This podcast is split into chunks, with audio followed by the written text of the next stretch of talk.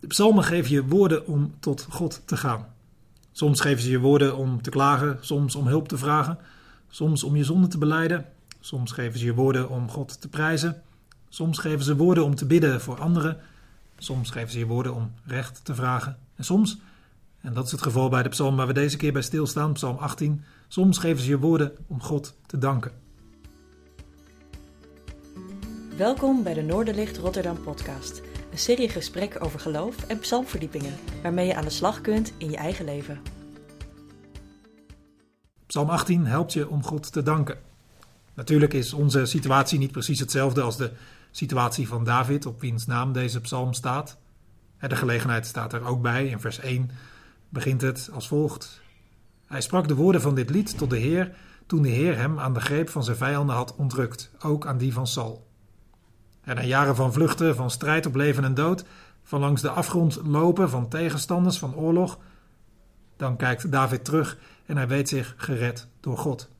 En hij dankt God daarvoor. Hij stroomt over van dankbaarheid. Hij weet haast van geen ophouden in deze lange psalm.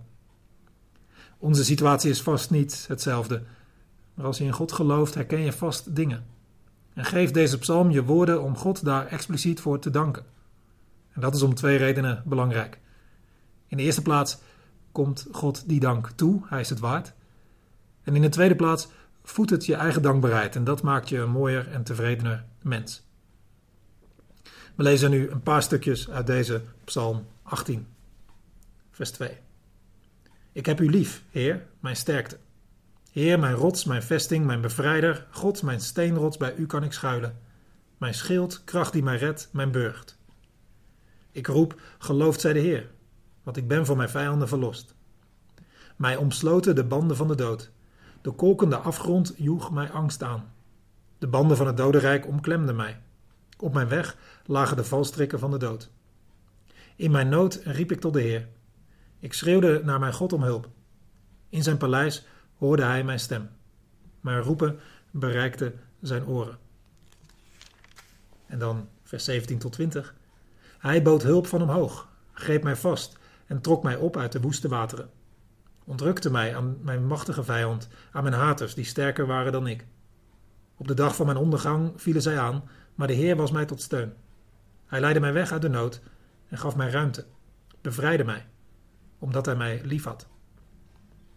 En dan het slot vanaf vers 47. De Heer leeft, geprezen zijn mijn rots. Hoog verheven is God, mijn redder.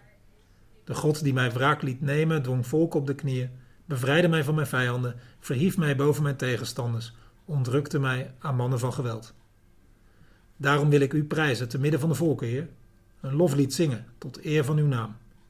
Hij schenkt zijn koning grote overwinningen, betoont zich trouw aan zijn gezalfde, aan David en zijn nageslacht, voor altijd. David is niet vergeten dat het langs de rand van de afgrond is gegaan. Mij omsloten de banden van de dood. De kolkende afgrond joeg mij angst aan. Hij zag de dood in de ogen, zou je kunnen zeggen. Het scheelde niet veel of zijn vijanden die hem naar het leven stonden, hadden hem de ondergang ingejaagd. Maar God had hem gered.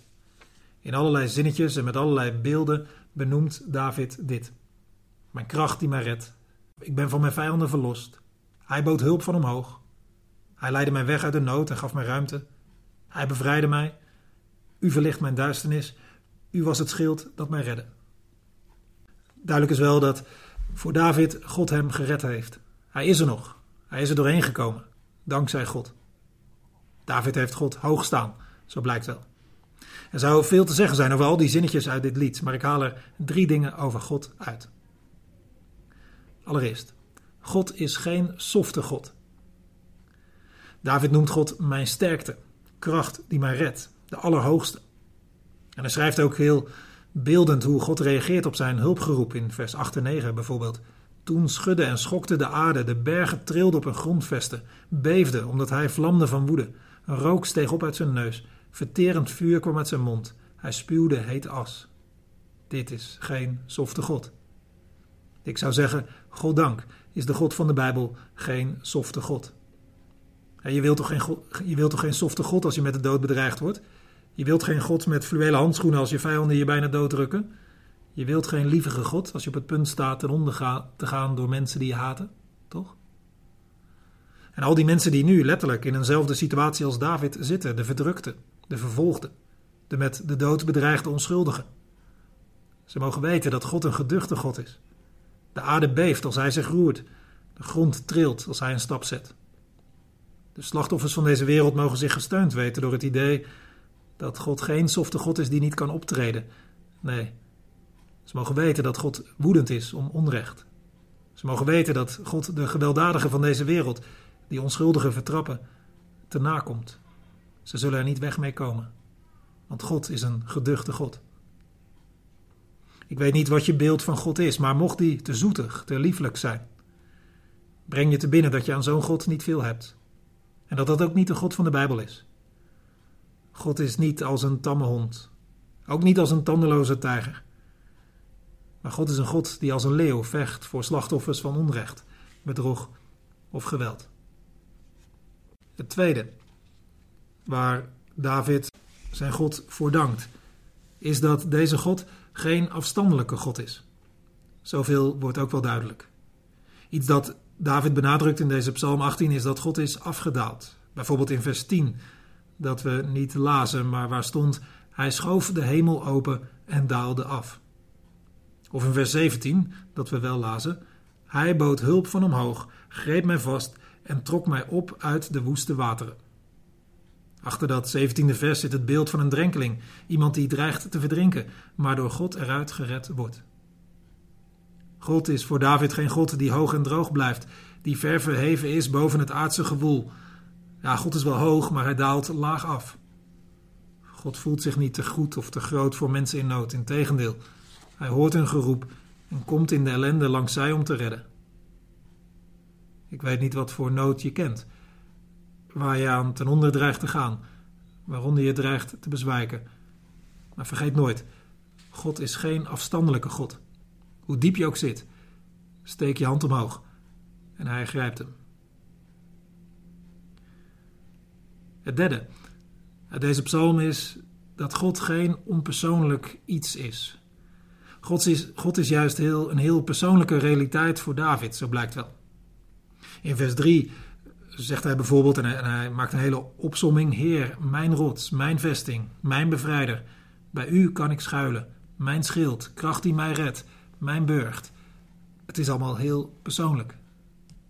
En in heel menselijke beelden spreekt David ook van zijn God, bijvoorbeeld in vers 7. Mijn roepen bereikte zijn oren.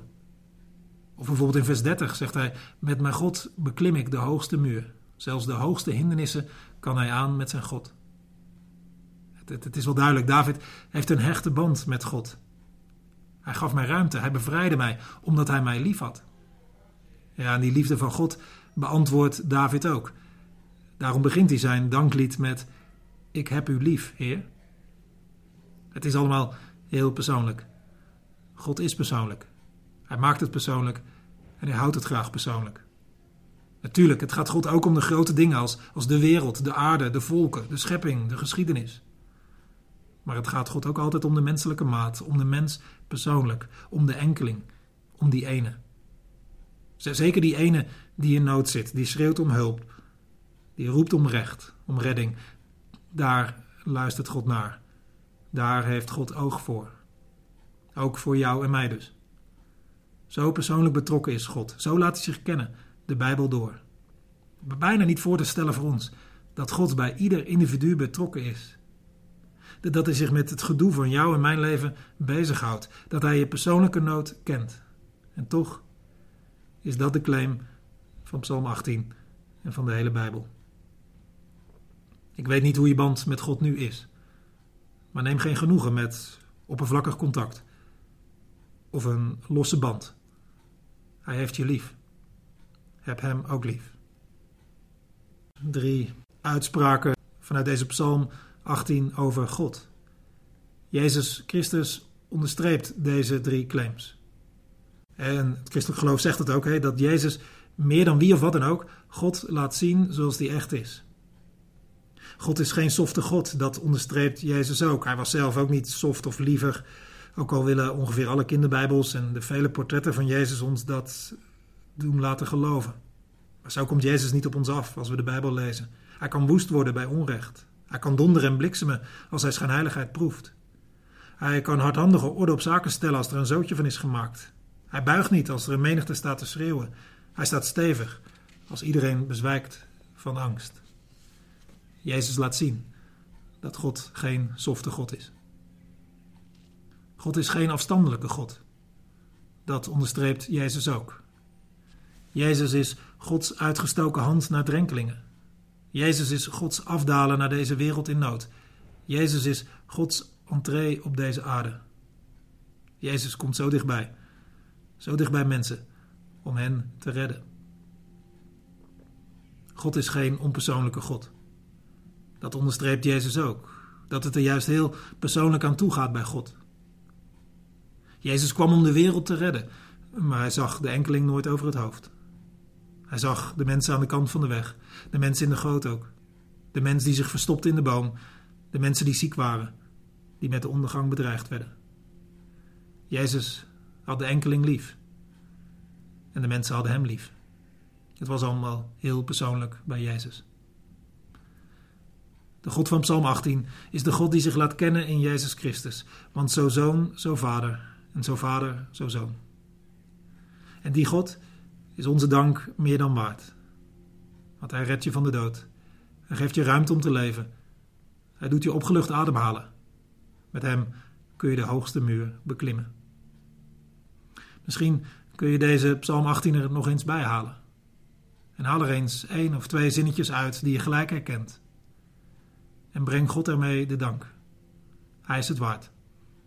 En jij wordt er een mooier en beter mens van.